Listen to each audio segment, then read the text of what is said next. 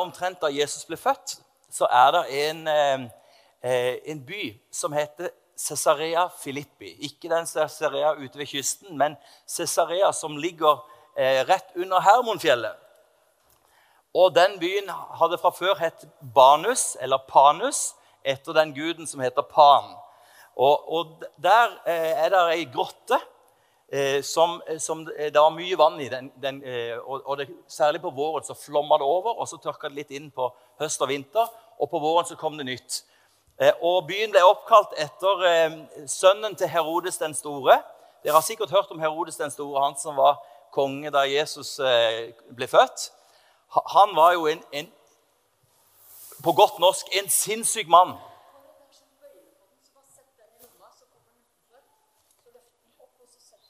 Ja, det er greit. Du vet, Vi har jo ikke sånn teknisk utstyr på landsbygda. så.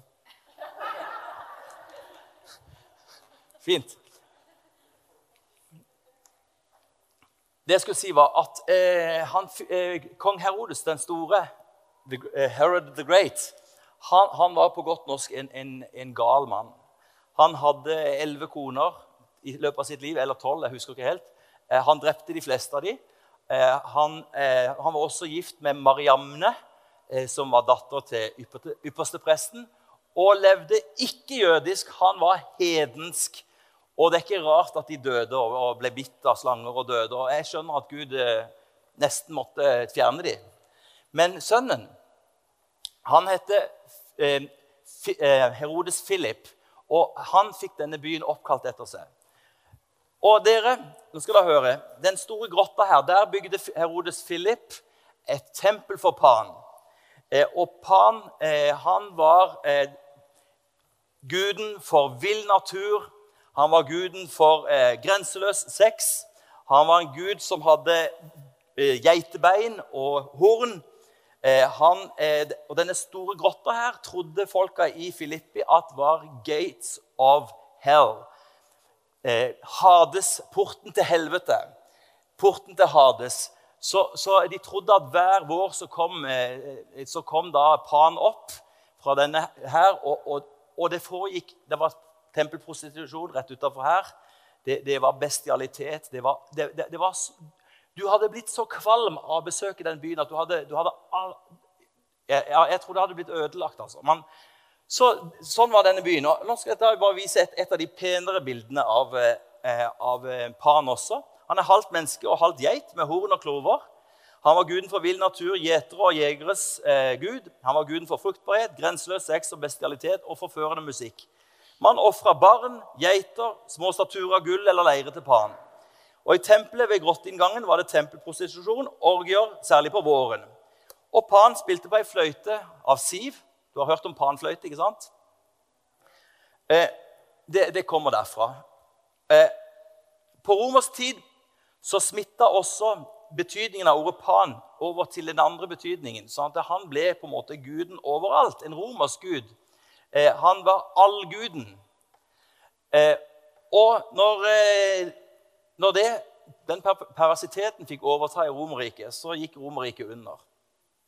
Det, det knakk sammen alt. Du vet ikke hvor, hvor stein galt det var når du overga deg til, til naturguden og bare fylte lyster og blanda. Og det, var, det, det, er så ekkelt at du kan ikke tro det. Så han hadde løse forhold med alle mulige eh, eh, andre guder og alle mulige Ja, jeg skal ikke si alt engang.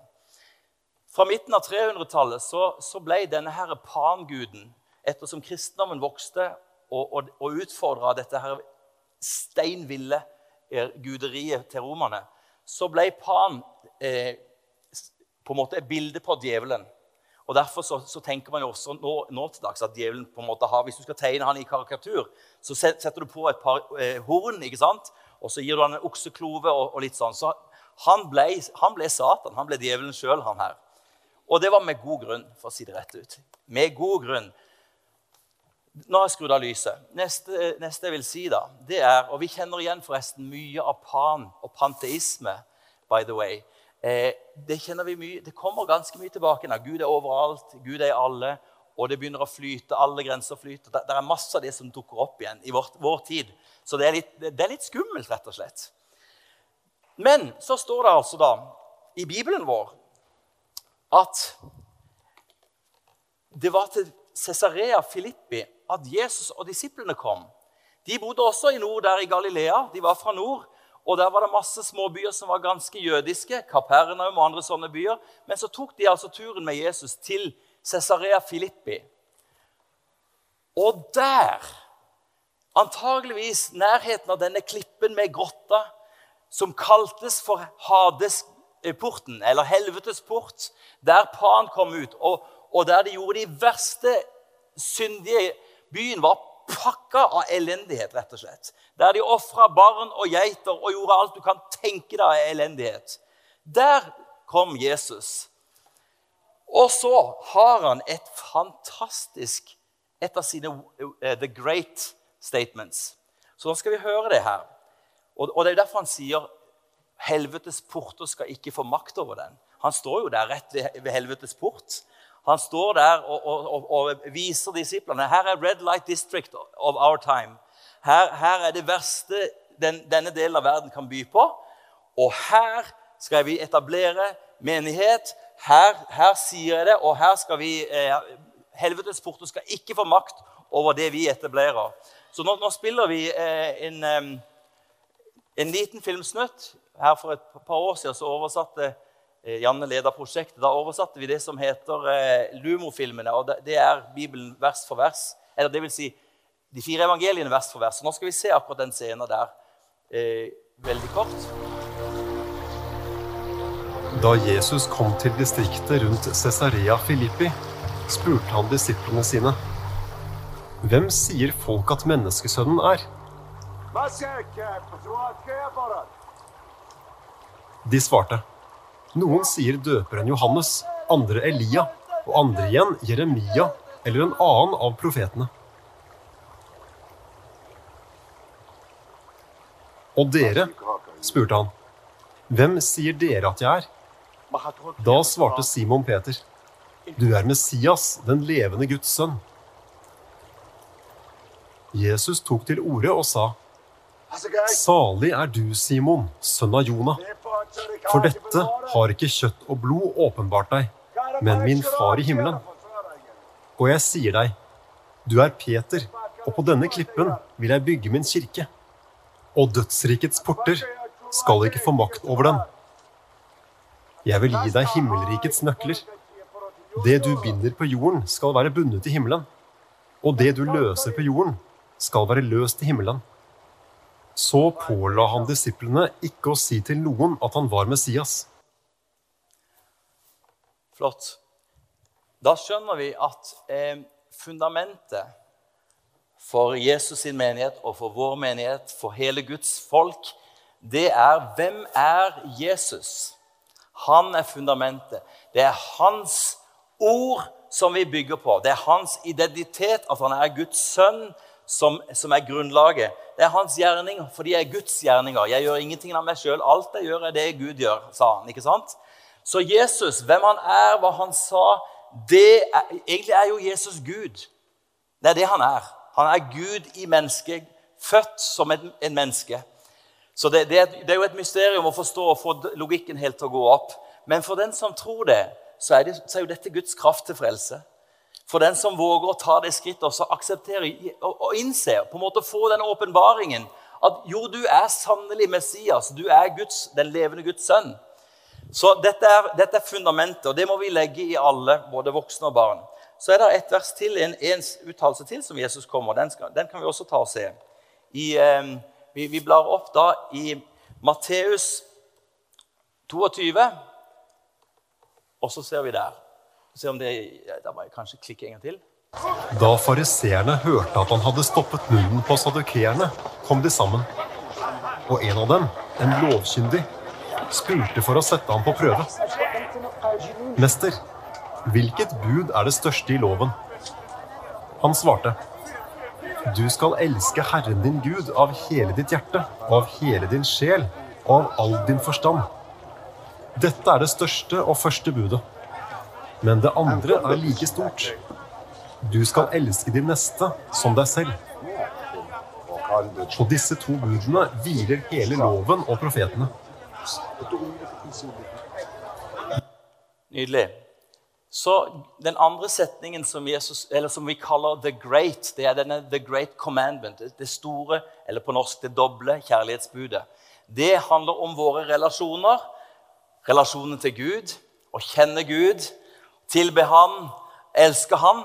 Og den andre relasjonen til våre medmennesker. Vi, vi, vi jobber med relasjonene. Det er noe av det viktige, eller kanskje det viktigste vi gjør. Så er det en uttalelse til som Jesus sier. Den skal vi ta og kikke på også.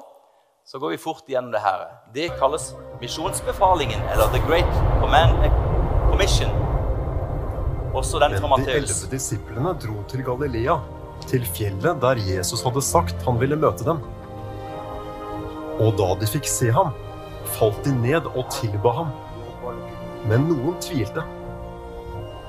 Da trådte Jesus fram og talte til dem. Jeg har fått all makt i himmelen og på jorden. Gå derfor og gjør alle folkeslag til disipler. Døp dem til Faderens og Sønnens og Den hellige ånds navn, og lær dem å holde alt det jeg har befalt dere. Og se, jeg er med dere alle dager inntil verdens ende.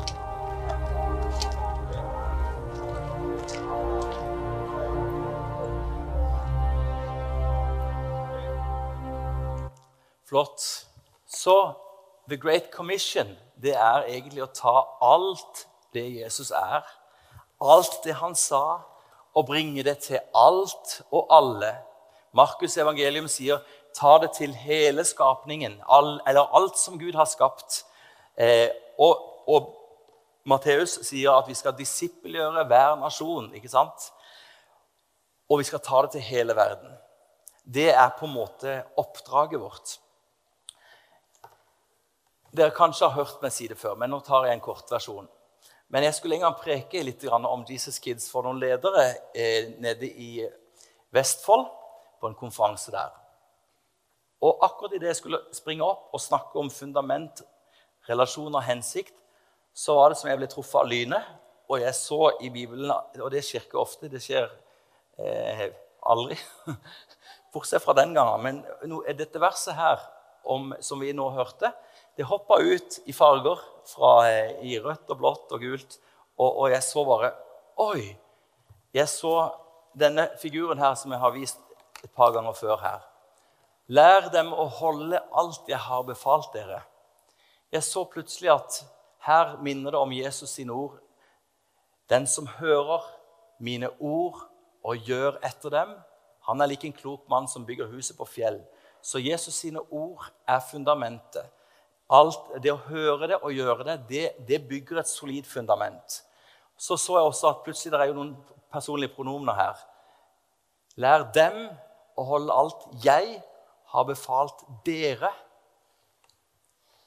Det er i disse relasjonene at disippelgjøring foregår.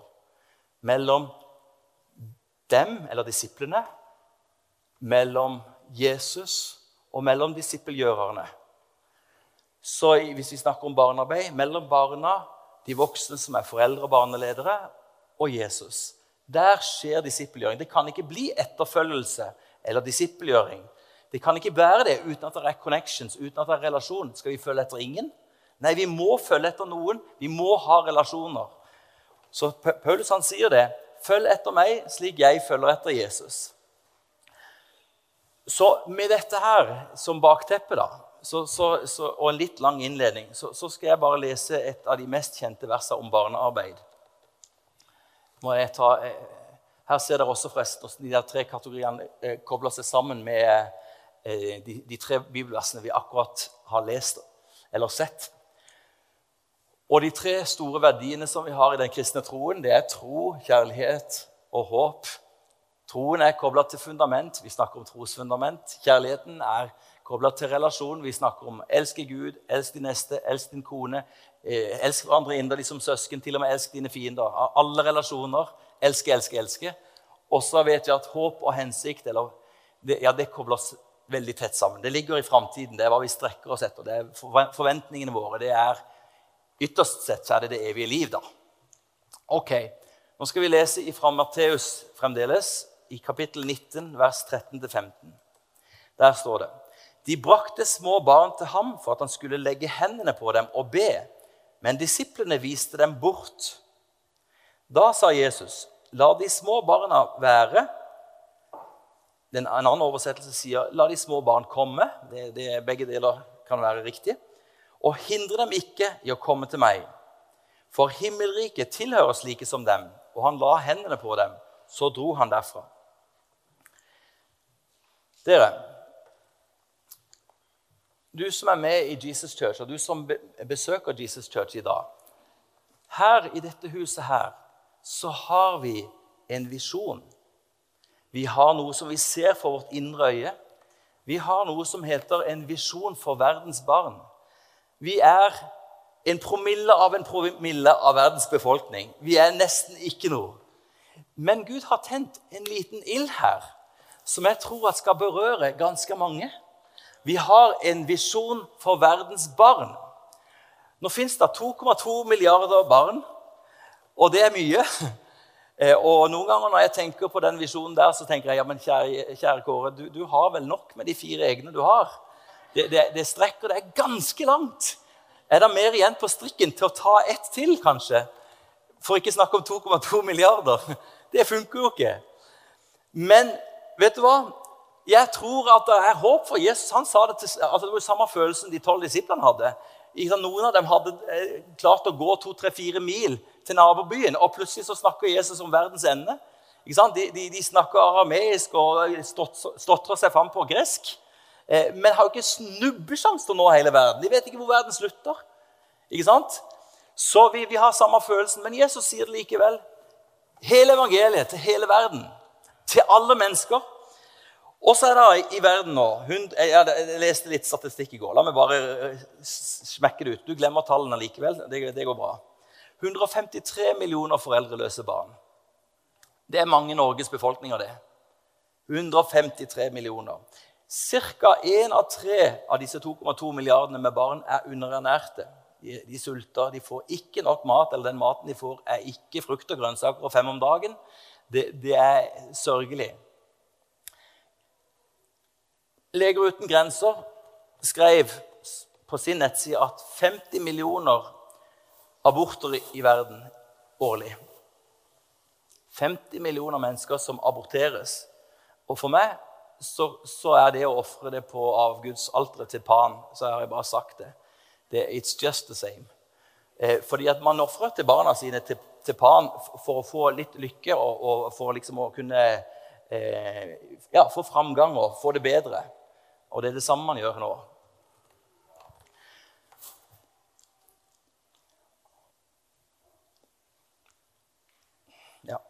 Det er så sørgelig at jeg vet ikke. Men, men over en million barn er offer for menneskehandel, ifølge Strømmestiftelsen. Så vi tror at det fins håp for verdens barn. Ikke bare de som lever i den mørkeste delen.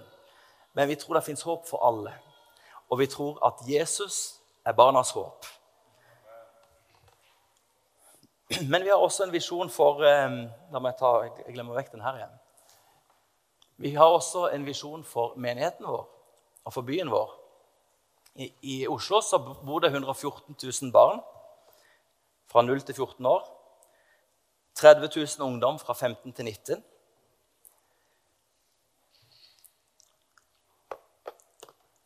Og vi har noen titalls barn i Jesus Church.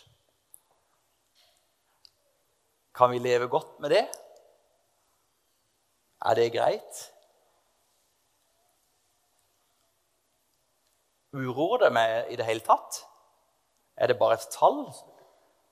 Omtrent som jeg leser bak på melkekartongen antall kalorier. og sånn Jeg bryr meg katten om det. Kanskje du bryr deg om det, men jeg bryr meg ingenting om det.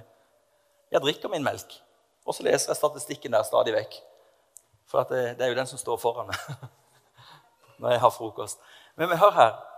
Hva, hva gjør det med oss at det er over 100 000 barn i vår by Og jeg tror at vi skal nå dem med evangeliet. Jeg tror at Jesus er deres håp. Så vi må si, sånn som Maria sa, 'Herre, hvordan skal dette skje?' Jeg fatter det ikke. Hvordan kan det skje? Men så er også svaret omtrent det samme som Maria fikk. For det står i Lukas 1,34.: Den hellige ånd skal komme over deg, og den høyestes kraft skal overskygge deg. Og derfor skal barnet som blir født, osv. Vet du hva? Det fins en løsning. Det er at Den hellige ånds kraft må komme over oss. Og den, det, det, må være et, et åndelig trøkk der. Vi kan ikke bare strategi fram til det. Det kan ikke bare være verktøyene. Det må være en kraft som må komme over meg, som må komme over deg og deg, og over oss.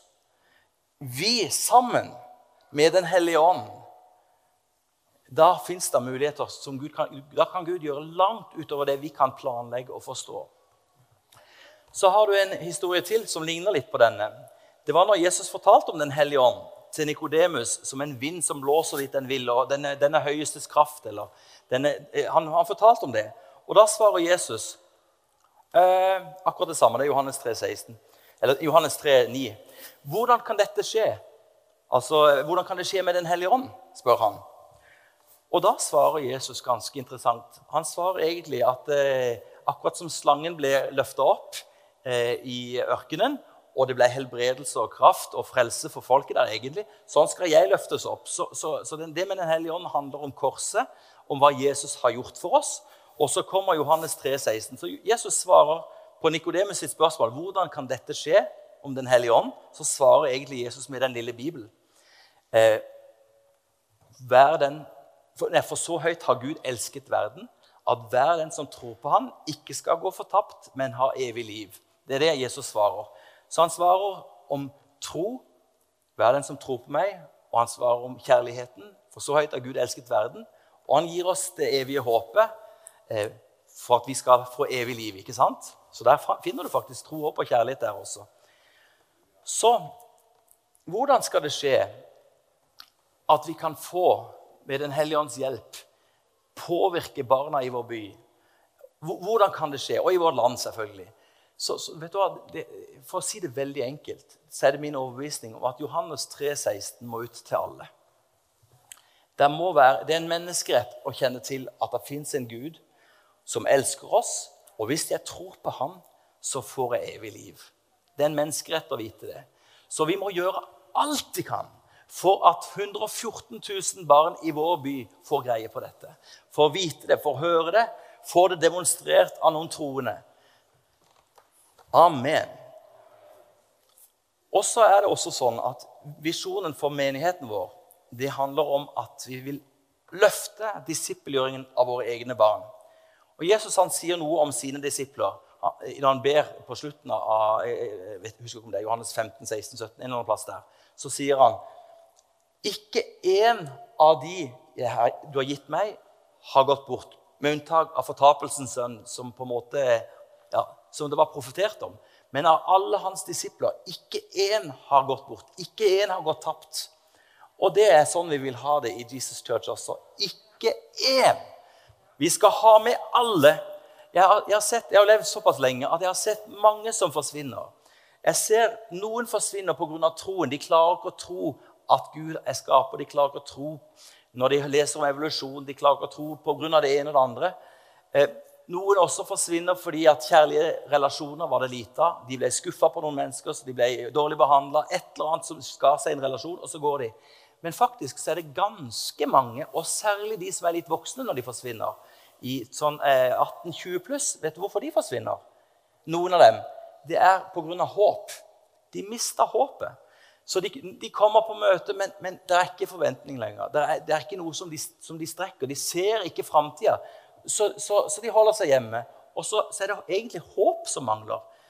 Og, jo da, de tror at Jesus er Guds sønn. Jo da, det, det, de elsker Gud egentlig. Men håpet og det som, som, liksom lyser, det er borte. Og Derfor så trenger vi For det, det, er jo håpet som gjør at vi holder ut. Så selv om troen den frelser deg, så betyr det ikke at du er frelst for evig og alltid, selv om du trodde når du var 18 eller 16. ikke sant? Men håp, hvis du har det fremdeles, så, så gjør det at du holder ut i tro. Så tro, tro, håp er, er superviktig. Og vi må, vi må, vi må kjenne at vi, vi, blir full av håp. Du kalte håp i stedet for forventning. Når, når det var, Helt riktig. Håp er forventningen. Håp er det som strekker oss framover. Håp er Og du vet, menigheten er verdens håp. Så vi må være i menigheten. Vi må være kobla på menigheten. Vi, vi, trenger sykemelding for å ikke komme hit. Det er, det er ikke det at jeg, jeg, jeg, ikke, jeg, ikke så, har ikke sånn fryktelig lyst. Nei, men det er ikke det vi spør om. Vi spør, vi spør om full overgivelse, for du må være kobla til håp. Vi og min kone vi gråt nesten i går av en post på Facebook av noen som har vært misjonær, som har vært på, og som har eh, vært brennende når vi kjente henne og bodde i min hjemby for 20 år siden. Og så eh, valgte hun å ikke engasjere seg i forsamling. Ingen menighet. Jeg, jeg, og Jesus har det godt alene. ikke sant? Det går fint. Jeg kan lese min bibel av og til, og jeg kan det. Det går bra. Og så ser du, og så følger du det livet i 20 år. Og, og det er jo det samme som å skru av oljen på lampa. ikke sant? Så flammen blir mindre, så begynner den å blaffe, og så leser du poster hvor, hvor hun egentlig lefler med de tankene jeg viste her i starten. Hvor, hvor, hvor det perverse er, er helt inni var på seminar med en professor som er professor i hva er det for noe? Han, han heter Espen Ester. Det sier alt. Dere Vi trenger visjon for menigheten, og vi har bestemt oss for at barna i vår kirke er i sentrum. Barna er i midten. Amen. Dere, nå skal vi lese gå ett hakk videre. For vi, det er ikke bare at vi trenger en visjon for menigheten, men du trenger en visjon for din familie og dine barn. Eh, så det må, det må, bli helt konkret. Det kan ikke bare være sånn at jeg er med i en menighet som brenner for barna. Jippi. Nei, nei, nei, nei. Du har barn, eller får barn, eller kjenner barn, eller, eller du, du, er, du, har, du, er, onkel eller tante. ikke sant? Det er et eller annet. Det fins barn i din nærhet, og i din familie og i din slekt så fins det mest sannsynlig barn. Gjør det ikke det? det? Det gjelder de fleste av oss. Vi kommer i berøring med barn. Og du trenger en visjon for det, som går helt inn på de nære. Og, og I Gamle Testamentet, i 5. Mosebok 28, så, så finner du på en måte eh, Gammeltestamentets versjon av dette med fundament, relasjon og hensikt. Eh, og, og eh, Nå skal vi lese det. Dette var den første setningen her. Hør Israel, Herren er vår Gud. Herren er én. Det, det, var Israels trosbekjennelse. Den ble sagt hver gang de skulle bekjenne troen når de kom sammen osv. Så, videre. så dette, dette, er liksom kjerna. Så her står det Hør Israel, Herren er vår Gud, Herren er én. Du skal elske Herren din Gud av hele ditt hjerte og av hele din sjel og av all din makt. Det var dette eh, verset som Jesus siterte også. Og så står det disse ordene som jeg pålegger deg i dag, skal du bevare i ditt hjerte.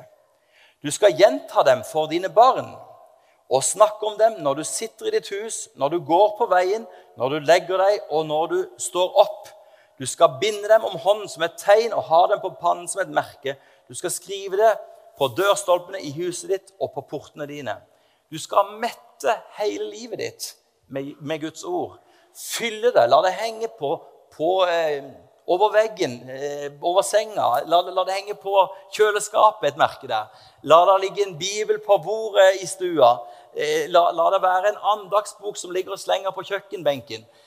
La, la, det komme noe kristen musikk på, på Spotify. Ikke sant? Altså, ikke bare sett på P4. Sett, sett på noe hvor du, en eller annen podkast. Altså, fyll hjemmet med Guds ord. Og når du snakker med barna dine, så skal du jo gjenta dem for dem, står det her. Men det står jo egentlig imprente. Imprint. Det vil si merke de med det. Lære det. Si det. Det er så herlig å ha noen minutter. Trenger, noen ganger er det ett minutt, andre ganger er det fem minutter. Men noen minutter på kvelden å sette seg ved siden av sin sønn eller datter og så få en liten prat og be litt sammen. Det er nydelig. Så dette må vi gjøre. Hør nå her. Om vi har en visjon for barna i menigheten, så skal jeg bare si deg, det er familiene som har ansvaret. Du har ansvaret i din familie. Der kommer den største påvirkningen. Vi skal nå, nå alle sammen, men den største påvirkningen skjer i hjemmet. Så Derfor har jeg tre befalinger til alle pappaer og alle som blir pappaer. Nummer én Ikke abdiser. Vet du hva det betyr? Konger, de abdiserer. Ikke abdiser. Det vil si, ikke gå ned og stepp ned fra lederposisjonen. Ikke gå ned ifra din innflytelse. Ikke, ikke gi rattet til barna. Du må, du må ha hendene på styret, ikke sant? Så det er det første. Du skal få lov å være familiens hode, og det kan du være med løfta hode. Du kan være hyrde for din familie, du kan være læreren i din familie. Du kan ta ansvar for dine barn. Vær med og skifte bleier, pusse tenner, legge dem i senga, synge, be daglig, hva enn, hva enn du gjør. Skolen er ikke familiens hode. Staten er ikke familiens hode eller barnas hode. Mobilen er ikke sjef. Fotballtreninger er ikke øverstkommanderende. Ikke engang lommeboka eller svigermor eller jobben må få, må få deg til å abdisere. Du, du, du må ta ansvaret. Come on! Vær en mann. Og nummer to du kan få lov å være presten hjemme. Det er veldig gøy å være prest av og til. Du kan få være en morsom, glad, noen ganger seriøs, noen ganger useriøs. Eh, du kan være en interessert prest, en spørrende prest, en bedende prest, lesende beden osv. Du må være presten. Bare lek at du er det. Og, og, og gudstjenestene hjemme kan vare ti sekunder og ett minutt og tre minutter. Jeg snakker ikke om, om 45 minutters gudstjenester på harde benker. Jeg snakker om å, å, å bare gi input, ikke sant? Og så nummer tre befalingen. Elsk din kone, og elsk din menighet. Amen. Her er den modellen som jeg har tenkt at, at vi styrer etter når vi disipler barn. Akkurat som Jesus, eh, Her er det tolv relasjoner som vi alle har, og barna også har tolv relasjoner. kan du kategorisere det som. da. Det går an å dele inn på mange måter. Men her ser du at et barn har noen relasjoner oppover. Den opplever Guds relasjon på to måter. Enten som jeg og Jesus, når man er sammen med Jesus alene litt, eller som vi og Jesus. Når vi er du vet det står i Bibelen, eh, sammen med alle de hellige så skal vi kjenne høyde, lengde, bredde, dybde osv. Så Guds relasjon og det lyset vi får, det, det inntrykket vi får fra Jesus, det skal vi spre ut til vår verden. Dette er løsningen på hvordan vi kan, vi, vi kan få budskapet ut. Det er at barna blir våre misjonærer. For de kjenner jo titalls på titalls på titalls med andre barn som vi aldri vi kan komme i direkte kontakt med. Men barna, hvis de får bli disippelgjørere, så er det en, en, nøkkel. Og den som gjør noe godt for barna, han, han, eh, det er nesten overalt så åpnes dørene hvis du er opp, oppriktig interessert i å gjøre noe bra for barna. Den prosessen med at Jesus lyser på barnet, og barnet får lyse ut på sin verden, den er støtta på høyre og venstre side av to ting. To institusjoner, kaller vi det. Det ene er på høyre side der. Det er hjemmet. Så vi som et hjem støtter denne prosessen, at de skal få lov å lyse. Og på den andre sida er det kirka. Menigheten er med og backer denne prosessen. Det er veldig fint. Så skal de nå sine Mine barn har f.eks. noen passive kristne som, som, blant deres venner. Noen som tror på Jesus, men som ikke går i menighet. De skal få lov å være lys for dem og invitere dem. Så er det noen ufrelste venner. Alle mine barn har ufrelste venner. Det var en fryd her i forgårs å høre Evy Rebekka diskutere med sin beste venn, som er vokst opp i mer et uh, New Age-hjem. da og, og snakker om, eh, og Hun påsto noe om dinosaurenes tid og menneskets tid og alt mulig. Og, og, og som er syv, kom inn og korrigerte dette litt og sa at «Æ, æ, æ, Gud er den som har skapt det. Og, og sånn. Og så klarte hun ikke helt å overbevise den andre. da, Og da kom William, for han fikk med seg at de snakket om skapelse. Så kom han inn og sa nå skal jeg lære dere åssen liksom, dette var. da. For ingenting kan bli til av seg sjøl, så det må være en Gud som har skapt det. For ingenting bare blir. Så det, også, han, det var jo et lite ekko av Kåre, da. Så, så, det var herlig. Dere, visjonen for deg, da? Nå skal vi lese siste verset fra Matteus eh, fremdeles. Matteus 18, vers 1 og 5. Det står Nettopp da kom disiplene og spurte Jesus, 'Hvem er den største i himmelriket?' Da kalte han til seg et lite barn, stilte det midt iblant dem og sa.: Sannelig, jeg sier dere, uten at dere vender om og blir som barn, kommer dere ikke inn i himmelriket. Den som gjør seg selv liten som dette barn, han er den største i himmelriket. Og den som tar imot et slikt lite barn i mitt navn, han tar imot meg. Så Jesus sitt budskap er vi må vende om og bli som barn. Da kan vi forstå og fatte og ta imot Guds rike. Og hvis vi vil ta imot Guds rike, så må vi faktisk også ta imot barna. For den som tar imot et lite barn, han tar imot meg. Vi må, vi må på en måte omfavne barna. Så derfor har jeg en liten eh, utfordring her på slutten. Jeg har fire utfordringer. Nummer én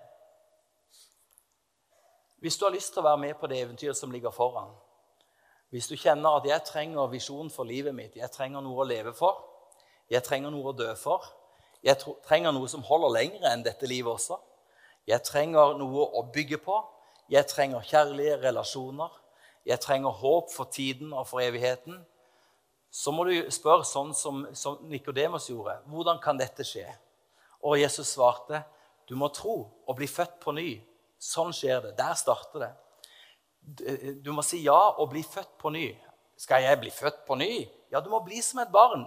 Ikke, ikke i kroppen. Ikke komme inn i mammas mage og bli født på ny. Men din, ditt hjerte, din ånd, må bli født på ny.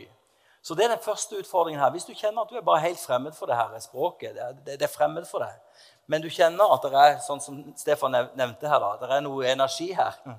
Det er noe som drar og kaller på deg. Det er Gud som kaller på deg. Og i dag så kan du bli frelst. Du kan bli født på ny, og hjertet ditt kan bli på, ja, rett og slett født på ny. På nytt født. Det, bli, det, gamle kan bli borte, og det nye kan komme til. Og, og Bibelen sammenligner det med å ta ut et steinhjerte og, og sette inn et kjøtthjerte. Så det er en, en radikal forandring av hele holdninga og hele det som å snu 180 grader. Helt ny retning på livet. Men du trenger det, og Gud kaller på deg da. Så hvis, hvis det er det, så skal du få lov sammen med andre her etterpå komme fram her og si du, jeg har lyst til å, bli født på ny. Jeg. jeg har lyst til å bli frelst. Jeg har lyst til å følge Jesus. Jeg har lyst til å gjøre ham til herre og til, til, til frelser for meg. Og andre, tre, de andre tre utfordringene er hvis du kjenner at dette med fundamentet er i ferd med å eh, bli dårlig det, det, det, Du vet ikke om du helt klarer å tro på, på at Jesus, alt Jesus har sagt, er sant.